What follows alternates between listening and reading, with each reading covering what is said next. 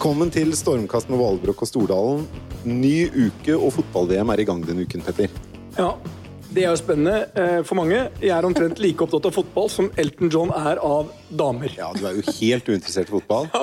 Ja, men det er, det er, jeg, kan, jeg, når du begynner å nærme seg finalen, Per, da kanskje jeg henger med. Men det er likevel mulig for deg å tippe fotball-VM-utfallet? Eller det er i hvert fall mulig å regne på det, som noen har gjort? Ja, Det var vel Goldman Sachs som dro til og hadde laget eh, 248 000 variabler og funnet ut at eh, de kan spille så mye de vil. Brasil vinner. Brasil vinner. Ja. Neymar, Men, Coutinho, eh, andre Goldman som Sachs har jo sjelden helt rett. Altså, jeg eh, vet jo åssen det ender. Du De spiller mye fotball, og til slutt så vinner Tyskland. Ja, det, er- det er jo sånn det ofte er. Og jeg heier på England, og de taper alltid. Ja. Sånn er det. Uh, vi må uh, videre. Vi har to fantastiske personer, damer, med oss i studio i dag. Og det er Rikke Eckhoff Høvding, som er administrerende direktør i Norsk Venturekapitalforening. Og så er det statsråd Anniken Hauglie, som er arbeidsminister. Velkommen til dere. Takk. Tusen takk. Rikke, apropos Goldman Sachs. Du kunne ikke ha vært med å regne ut hva som blir utfallet av VM. Nei, det kunne jeg ikke. Fordi du strøk på mattetesten til Goldman Sachs. Det gjorde jeg. Eh, Men jeg var veldig bra i den kvalitative snakkedelen. Det må jeg si. Dette Eh, er jeg tilbake i London for noen år siden, da du ville jobbe der, ikke sant? Da jeg var ferdig på universitetet, så ville alle eh, på Warwick ville Investment banking i London, det var liksom den store stjernen. Eh, Så jeg kom meg på intervju, eh, og fikk da til slutt feedback. Um, you, you, you don't quite excel at math. Nei. Så da Og eh, du strøyk, rett og slett? Jeg strøyk mattetesten, faktisk. Um, så da dro jeg hjem og måtte begynne å jobbe hos Kagge forlag. Men det var ikke det verste som kunne skje. Nei. Du har jo solgt tusenvis av uh, bøker om Erling Kagge til Petter Stordalen, har du ikke det? Mhm. Ja. Visste du det, Petter? Det har jeg gjort! Ja. Jeg kom til og med til møte med en brukket hæl. Men jeg klåsa salget. Sammen med. Erling, da. Sammen med Erling, ja. Nettopp. Ja, jeg, jeg tippet nok at du var en bedre selger enn Erling. Eh, Anniken, eh, kommer du til å følge med på fotball-VM, eller er kunne du ikke gitt med, eh, Vet du jeg, jeg, jeg er helt totalt uinteressert, må jeg bare innrømme. Men, eh, men mannen min er veldig interessert, eh, så jeg er redd vi ikke slipper unna. Det, er nok, det blir nok en del likevel. Men jeg kommer ikke til å følge med spesielt, for å si det sånn. Nei, ok. Vi skal jo Men har du vært ute og testa Du har jo MC-lappen. Har du vært ute og testa det? Eh, Nå har det vært veldig mye fint vær, da. Nei, Eller har du satt sykkelen som jeg gjør, den står i garasjen og hviler seg? Ja, du vet da, jeg, har, jeg har ikke sykkel, jeg har bare lappen. Jeg vet ikke egentlig hvor klok den investeringen var i sin tid, men eh, jeg tror om jeg skulle kjørt nå, så måtte jeg nok Jeg burde nok kanskje hatt en liten kjøretime først. Litt, å- rus- litt rusten. Litt rusten. Du kan jo bruke, bruke fotball-VM nå, da. Å, for å står vasse alene ja. Det står en fin sykkel oppi gangen her, da, så jeg tenkte at jeg kanskje kunne prøve meg på et Jeg så det, også. Ok, dere. øh, vi er jo nå på Lillescenen i Konserthuset av alle steder. Og grunnen til at vi er her, det er at det er investordagen til, øh, til Hegnar Media. Uh, Petter, du skal delta i en debatt der. Jeg skal delta i en debatt. Det er en, øh, et øh, veldig bra arrangement. Uh, og den debatten du skal delta i, det er jo er Norge et godt land å investere i. Og der har vel egentlig du og jeg konkludert for lengst at det er det. Det er kanskje et av de beste landene i verden. Eh, Det er vel det. Ja, I konkurranse kanskje med Sverige, Danmark og Finland. Altså, de nordiske landene er stort sett på topp i alle kåringer. Norge burde vært bedre på innovasjon. Eh, Vi er, vi er ok, vi kunne vært bedre. Men det som jo altså, mm, Det som Norge er kjent for å være bra å investere i, er jo bransjer som olje, fisk eh, og noen andre relaterte bransjer. Mens eh, på venturekapitalsiden så er det ikke så gode kår, ikke, eller? Um, nei, altså det har, vi har jo vært litt uh, forbigått av Sverige uh, på venturekapital, spesielt teknologi, altså, uh, som du nevnte. Eh, men jeg tror nok kanskje at vi har vært en litt sånn hidden gem. Eh, det skjer veldig veldig mye spennende på innovasjon i Norge nå. Eh, masse nye oppstartsselskaper. Men det vi har sett, er at vi har litt få venturekapitalmiljøer som har en størrelse til å løfte de selskapene ut. Eh, men nå skjer det veldig mye. For eksempel, du har jo involvert deg med Strawberry. Ja. Ehm, så, eh, men vi tror det kommer masse aktivitet fremover. Men vil det være innenfor det man forbinder med venturekapitalisme? Mye sånn IT-tech-selskaper, en app som på kort tid er verdt en milliard dollar? Eller blir det mer olje? Nei, jeg tror det blir eh, veldig mye også utenfor oljesektoren. Altså, det er ikke tvil om at det investeres mye i oljesektoren også blant P-fond og venturefond. Men, men jeg tror det som skjer på tech-siden, er at vi er gode på kanskje ikke så mye B2C, sånn forbrukerorientert. Men på business to business så er det jo masse spennende og ordentlig sånn avansert teknologi. Eh, og også innen fisk. Typisk teknologier og men, sektorer vi er gode på. Rikke, hvorfor tror du eh, svenskene her de slår oss jo egentlig, hvis de skal være ærlige, ned i støvlene? Ja. Um, og, uh, ja, I hvert fall på uh, business to consumer-produkter. ja, ja, det er stort sett tror jeg over hele rekka så er svenskene bedre enn oss. På mm. innovasjonsindeksen så tror jeg de er nummer én eller to, ja. og Norge er nummer 20. Altså 18-20. Men tror du Det er noen som har fortalt meg at sånn som et selskap som Spotify, da, ta et av de alle mm. kjenner, som ble verdsatt til 240 milliarder når de ble lista i New York. Mm. Så sa at de kunne, aldri, de kunne vært lista i Stockholm og de kunne vært lista i New York. De kunne aldri vært det i Oslo. Fordi dette selskapet taper 5 milliarder i året. Um, og alle som eier det, ville fått formuesskatt som hadde gjort at de ville ikke gjort det. Jeg er en av de som syns at skattetrykket i Norge er fornuftig, og sånt nå, men jeg ser jo at de kan ha et poeng. Du som er inne i grøten her, hva tror du Og det er ikke ett sånt selskap. Mm. Det er mange. Det er veldig mange. Det er veldig mange. Og det, det, er jo disse ja. som får utfordringen. Eh, altså det er jo ingen hemmelighet at vår forening er eh, enig med kapitaltilgangsutvalget som anbefaler å avvikle formuesskatten på sikt. Et annet eh, skatteproblem i akkurat den debatten der, eh, som de også har i Sverige, er opsjonsskatt. Ja. For de er jo helt avhengig av flinke folk. Ja. Og der har jo regjeringen innsett at det er et problem, kommet med et forslag, men de trenger et par ekstra spark i ræva for at det forslaget er bra nok. Så de to er ganske altså, det er to forskjellige skattetrykk. Eh, vi har nå valgt å fokusere på opsjonsskatten, fordi vi tror det er nesten faktisk i Norge mye mer realistisk mm. å få til noe der. Ja, for du, du, skal jo også lete, med, altså du skal lete ganske godt etter en Høyre-politiker som ønsker formuesskatt, men likevel, etter mange år med Høyre-ledet regjering, så har vi formuesskatt. Eh, den er jo nesten umulig å å fjerne inntil du finner et alternativ som kan skattlegge de rikeste. ikke sant? Ja, klart, det, er det jo en utfordring det, og denne regjeringen har jo vært veldig opptatt av å redusere skattene, og har også redusert skattene eh, betydelig. Vi har også liksom lempa litt på denne formuesskatten, men klart noe av utfordringene også er jo at eh, vi, vi, skal jo også ha inntekter til dette landet, og det å finne den der riktige balansen har vært, uh, vært vanskelig. Bare se hva vi har gitt av skatteletter de siste årene, har vært ganske betydelig Eh, faktisk. Så klart, Ideelt sett så skulle vi ønske at vi kunne fjerna hele det formuesskatten, men, eh, men, men, det er det å finne noen alternativer som hadde truffet eh, bedre, som er vanskelig. På vegne av kapitalistene så vil jeg si at jeg syns dere har gjort en ganske god jobb på veldig mye. Nå er jo bedriftsbeskatningen mm. nesten på det vi kaller et europeisk nivå. Ja. Og ambisjonen er at den skal litt ned til, men det bånder vel ut rundt par og 20 nå. Sverige er på 2-23, og Norge er på 25 nå, men det er jo på vei litt ned. Så stopper det. Mm. Eh, og det er helt eh, fornuftig for alle oss som driver business. Og det har vært prioriteringen også, ikke sant? Ja, mm. Så jeg syns dere leverer på en del områder.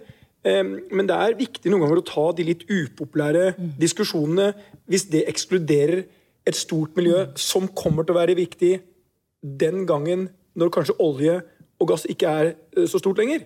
Og det er jo bare et tidsspørsmål. Kan være at den tiden blir ganske lang.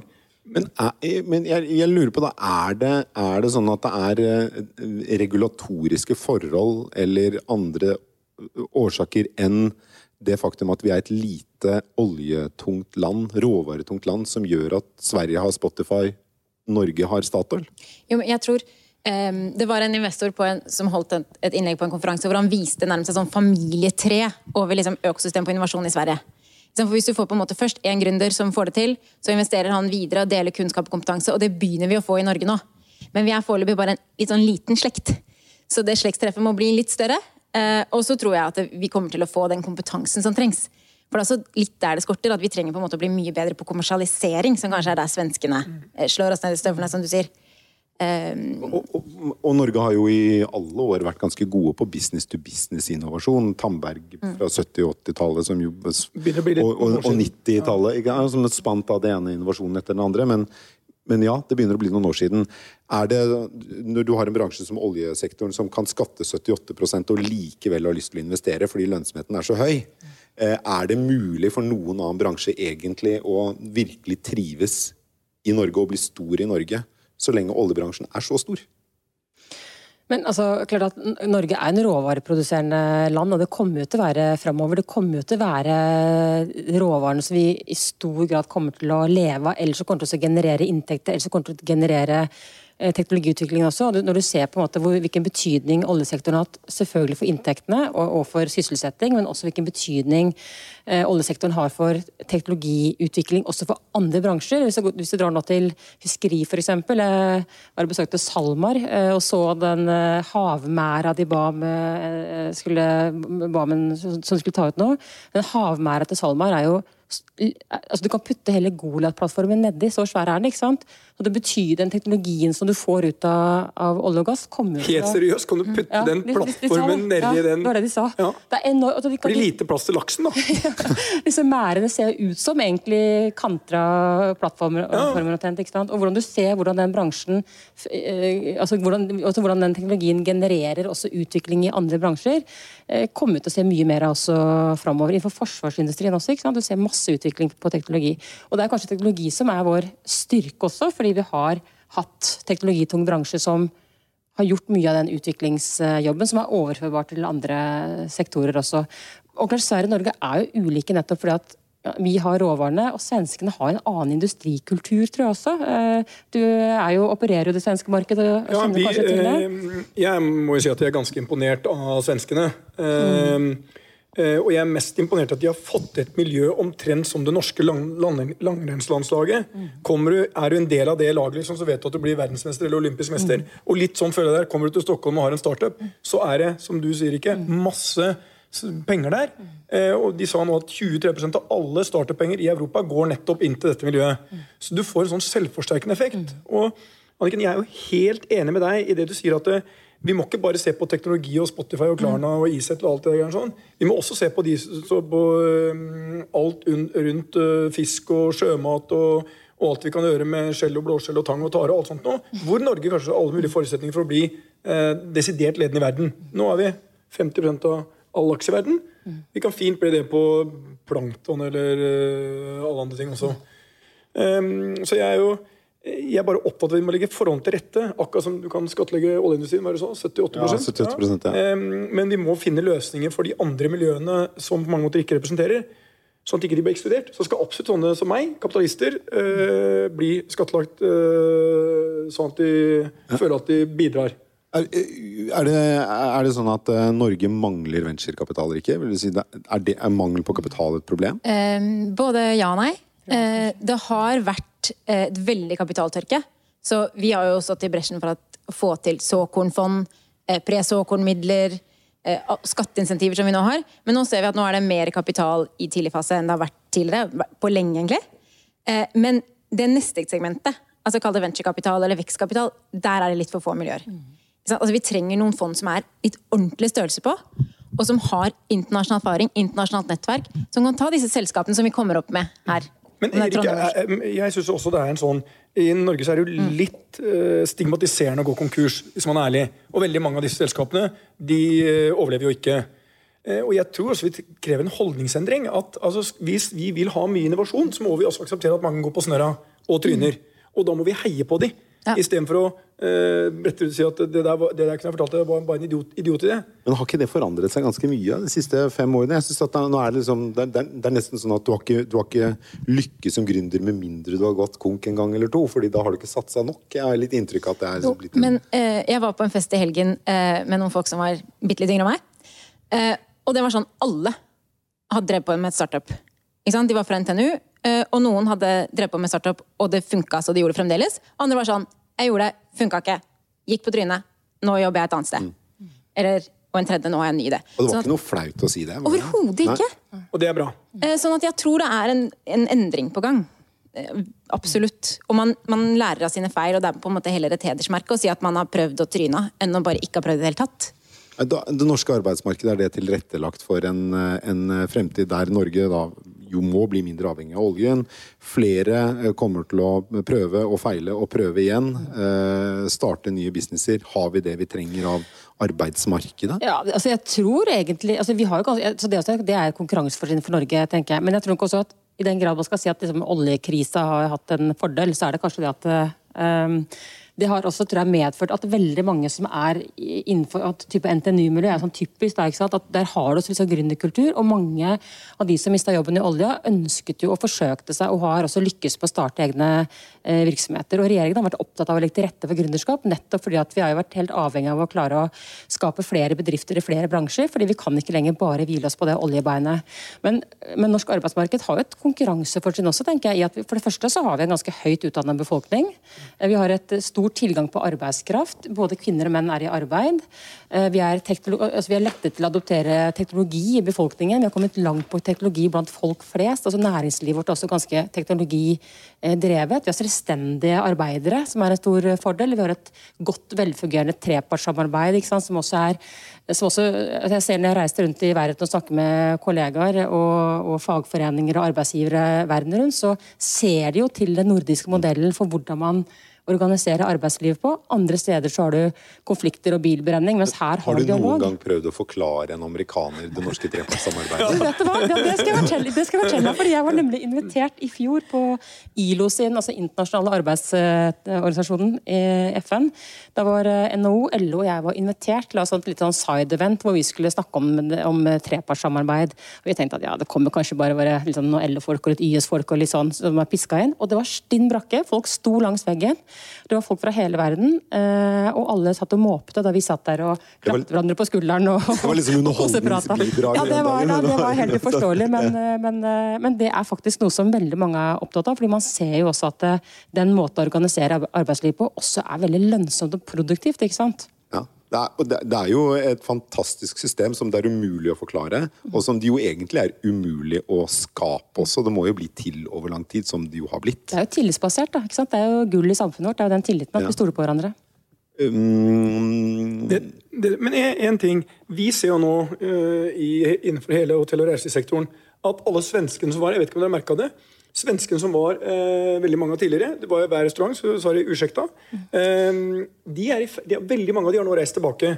og Derfor ser dere et uh, innslag av mange andre, mange som bare er engelsktalende nå. Um, og jeg er jo opptatt av at uh, det er jo fortsatt ganske mange, Anniken. Som, uh, dette, dette, er mer Anniken enn det er ikke. Um, vær glad for det. Uh, dette er ikke enkelt. det er jo fortsatt veldig mange hender som står utenfor arbeidsmarkedet. Um, og vi har jobba en del med det. Hva tenker du, hvis du, skal, hvis du, skal, tenke litt fremover, hvordan skal vi få alle disse hendene i arbeid? Og veldig mange av de har jo utfordringer at de er ikke sånn svenske at de kommer opp i setting, for de kan språk og de kan alt. Og det er, en del, og det, og det er faktisk ganske mange av de. Mm. Nei, det er en kjempeutfordring, og det er jo det som regjeringen nå virkelig har satt som en av våre sånn hovedprosjekter nå, er jo denne såkalte inkluderingsdugnaden, hvor vi må forsøke å klare å få noen flere av de som står på utsida på innsiden. Det er jo, Vi har jo 66 000 eh, unge som står utenfor jobb, skole og aktivitet, i tillegg til da alle andre også, ikke sant. Og det som vi, det Men det er de unge som er viktige her, sånn, det er de viktigste? Ja, altså, de, ja, de unge er, det er klart at hvis du er, hvis du er trygdemottaker når du er 20 altså klart du, du, får et langt liv, du risikerer et veldig langt liv utafor, for å si det sånn. Men jeg har et spørsmål jeg lurer på som, som, noen har fortalt meg. Hvis de unge du snakker om, hvis de blir stående, dette gjelder spesielt kvinner, hvis de blir stående utenfor mer enn 24-30 måneder, så er det veldig stor sannsynlighet for at de aldri kommer inn i arbeidslivet.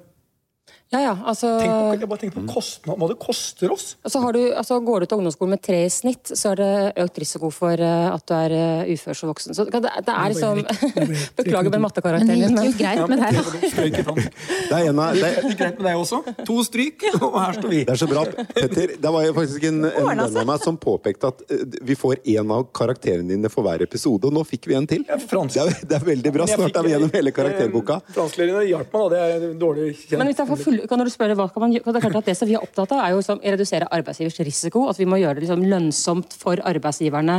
Eller vi må i hvert fall fjerne alle unnskyldningene til arbeidsgiverne for at de ikke skal kunne gi noen en sjanse. Vi er opptatt av å prøve å bidra til at flere av de som står på utsiden, får kompetanse. For klart, Norsk arbeidsliv er veldig kompetansekrevende. så det er det som vi nå ser på Hvordan kan vi skru til litt for å nettopp redusere terskelen? Men Hvordan kan vi redusere den terskelen? Hva er det man kan helt konkret gjøre for å uh, hjelpe til der? Ja, det er, det bedriftene sier litt ulikt. da. Altså de som er sånn som Peter, sånn, som, som, bare har det som en del av filosofien, ser på det som en, sånn, også som en del av på en businessen å inkludere. ikke sant? Og det er, det er, kanskje ikke lønnstilskuddet så veldig avgjørende. For mindre bedrifter så er det at eh, staten er med å bidra på å subsidiere lønna en periode. Det kan være viktig for små bedrifter, for da bunnlinja er på en måte viktigere.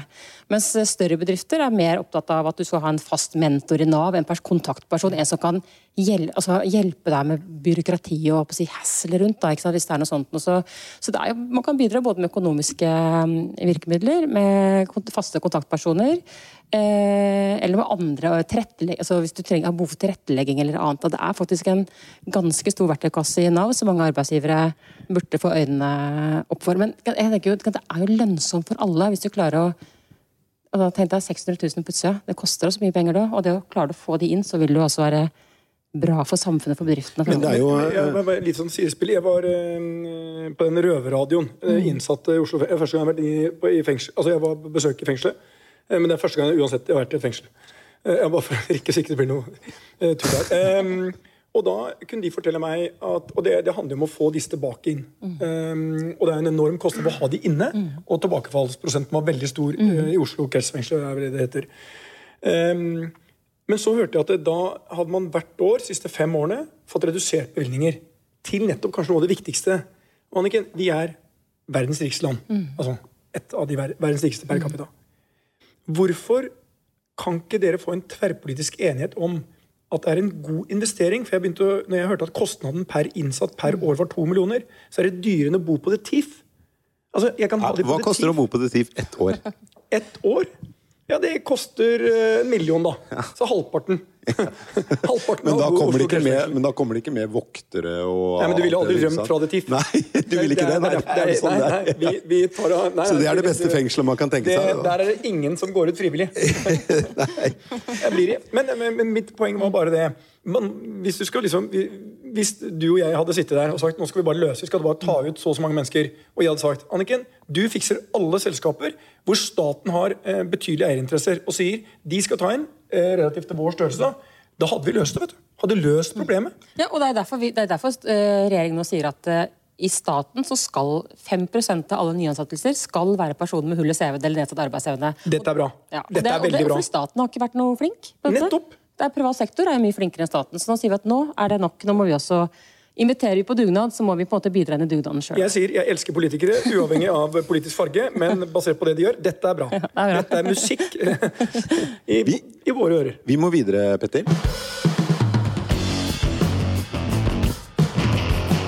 Petter, um, Accenture, konsulentselskapet, de uh, kom jo denne uken ut med en varsel om at det vil kunne bli en stor konkursbølge i uh, varehandel.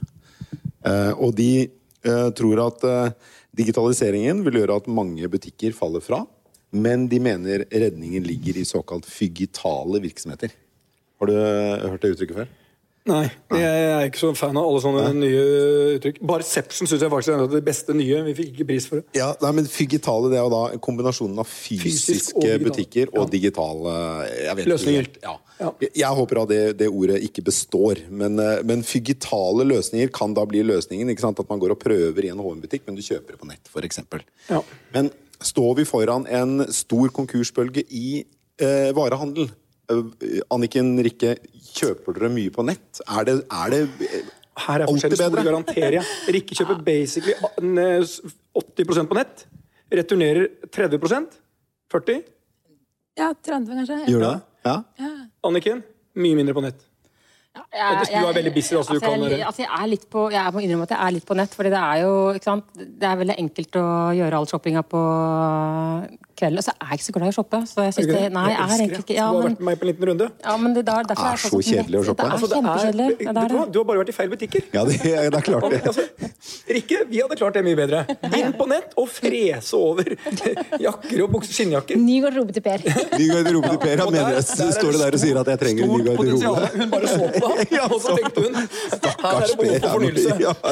Der har det forbitret gjennom alle år som redaktør i E24. Et år i podkast med Petter nå, så er det Ja, ja, ja, ja, så, så er han så sliten at han begynner med noe annet.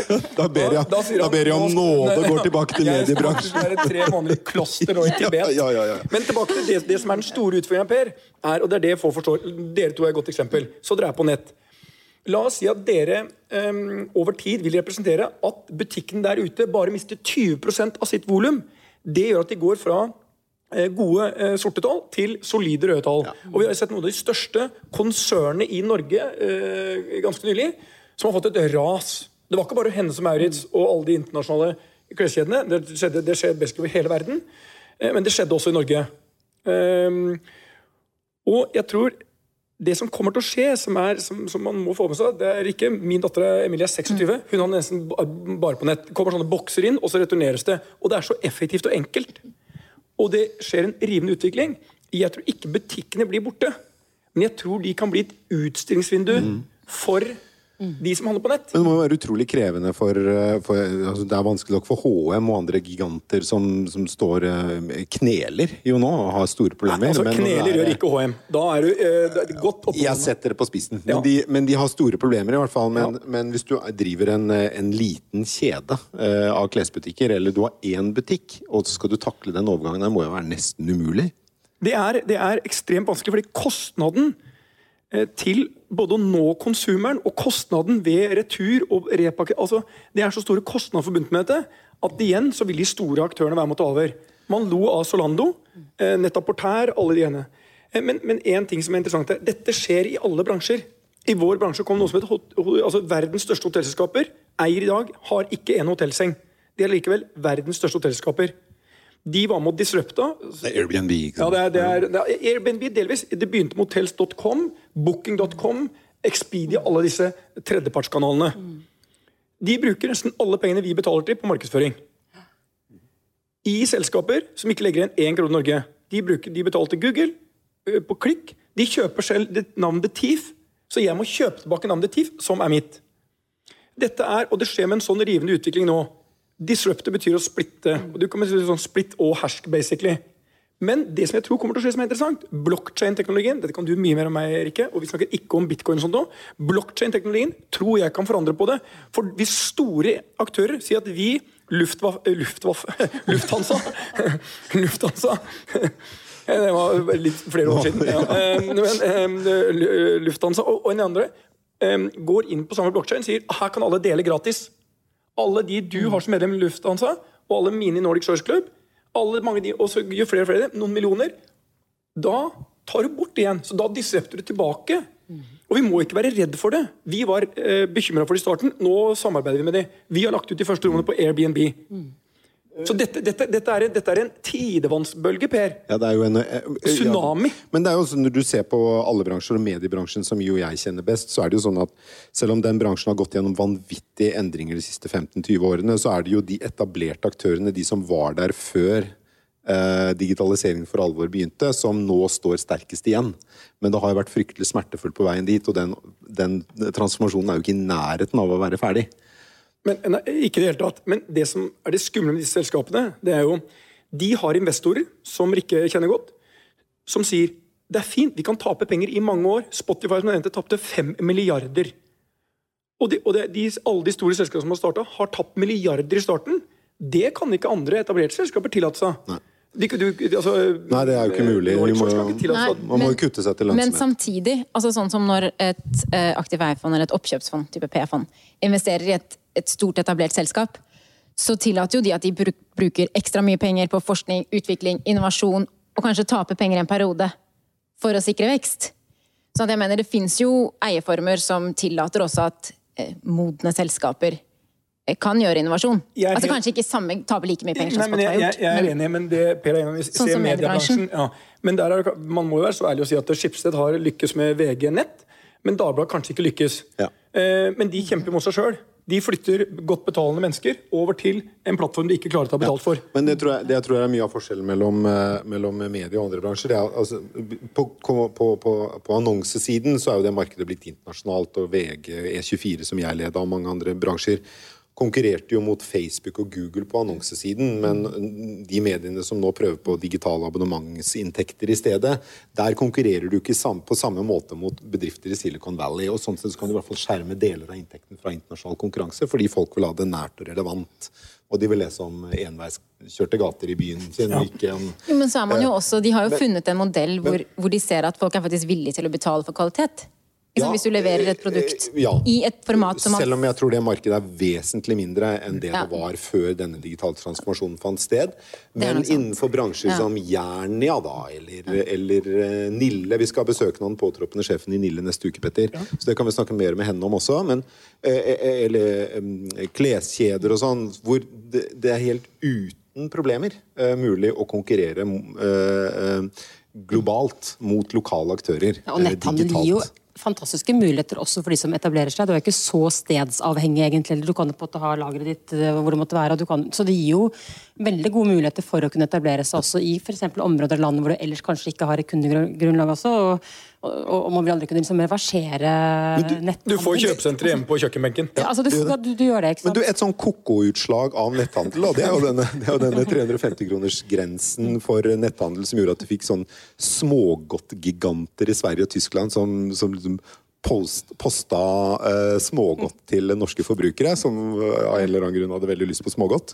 Eh, så til de grader at de kjøper det på nett fra Sverige, mener jeg. Ja. Det er jo grunn god nok til å fjerne det momsfritaket. Ja, fordi nå forsvinner jo det, ser det ut til. Eh, Anniken? Ja, det er i hvert fall noe vedtak om utredninger og sånt. Når vi ja. ser på konsekvensene. Ja, men du, men, Anniken, er positiv til at vi bare tar bort det? Du vet hva, altså jeg tenker, jeg, altså jeg, der er liksom Godis med alt dette liksom, sukkergodisen er, liksom, er, er litt sånn praktisk. Jeg, jeg tenker altså, at det har liksom, altså, Den bagatellgrensen har man egentlig hatt i, om ikke alltid, så i hvert fall i utrolig mange år. Og at man har liksom en grense hvor man slipper at ikke alt ja, For det er jo forbrukervennlig å ha en eller annen Veldig forbrukervennlig. Og, og, klart at noen, Man slipper jo at, alle, man slipper at alt skal kontrolleres også. Da, så Det er noen, det er noen praktiske hensyn også. Men om grensa skal være sånn 200-300 altså, ja, jeg vet ikke, Det har ikke jeg noen sånne sterke For Det er jo noe snakk om å fjerne den fullt ut. Ja. Og da... og, og klart, men, nett, men, netthandel det, vil, det skjer jo uavhengig av den ja.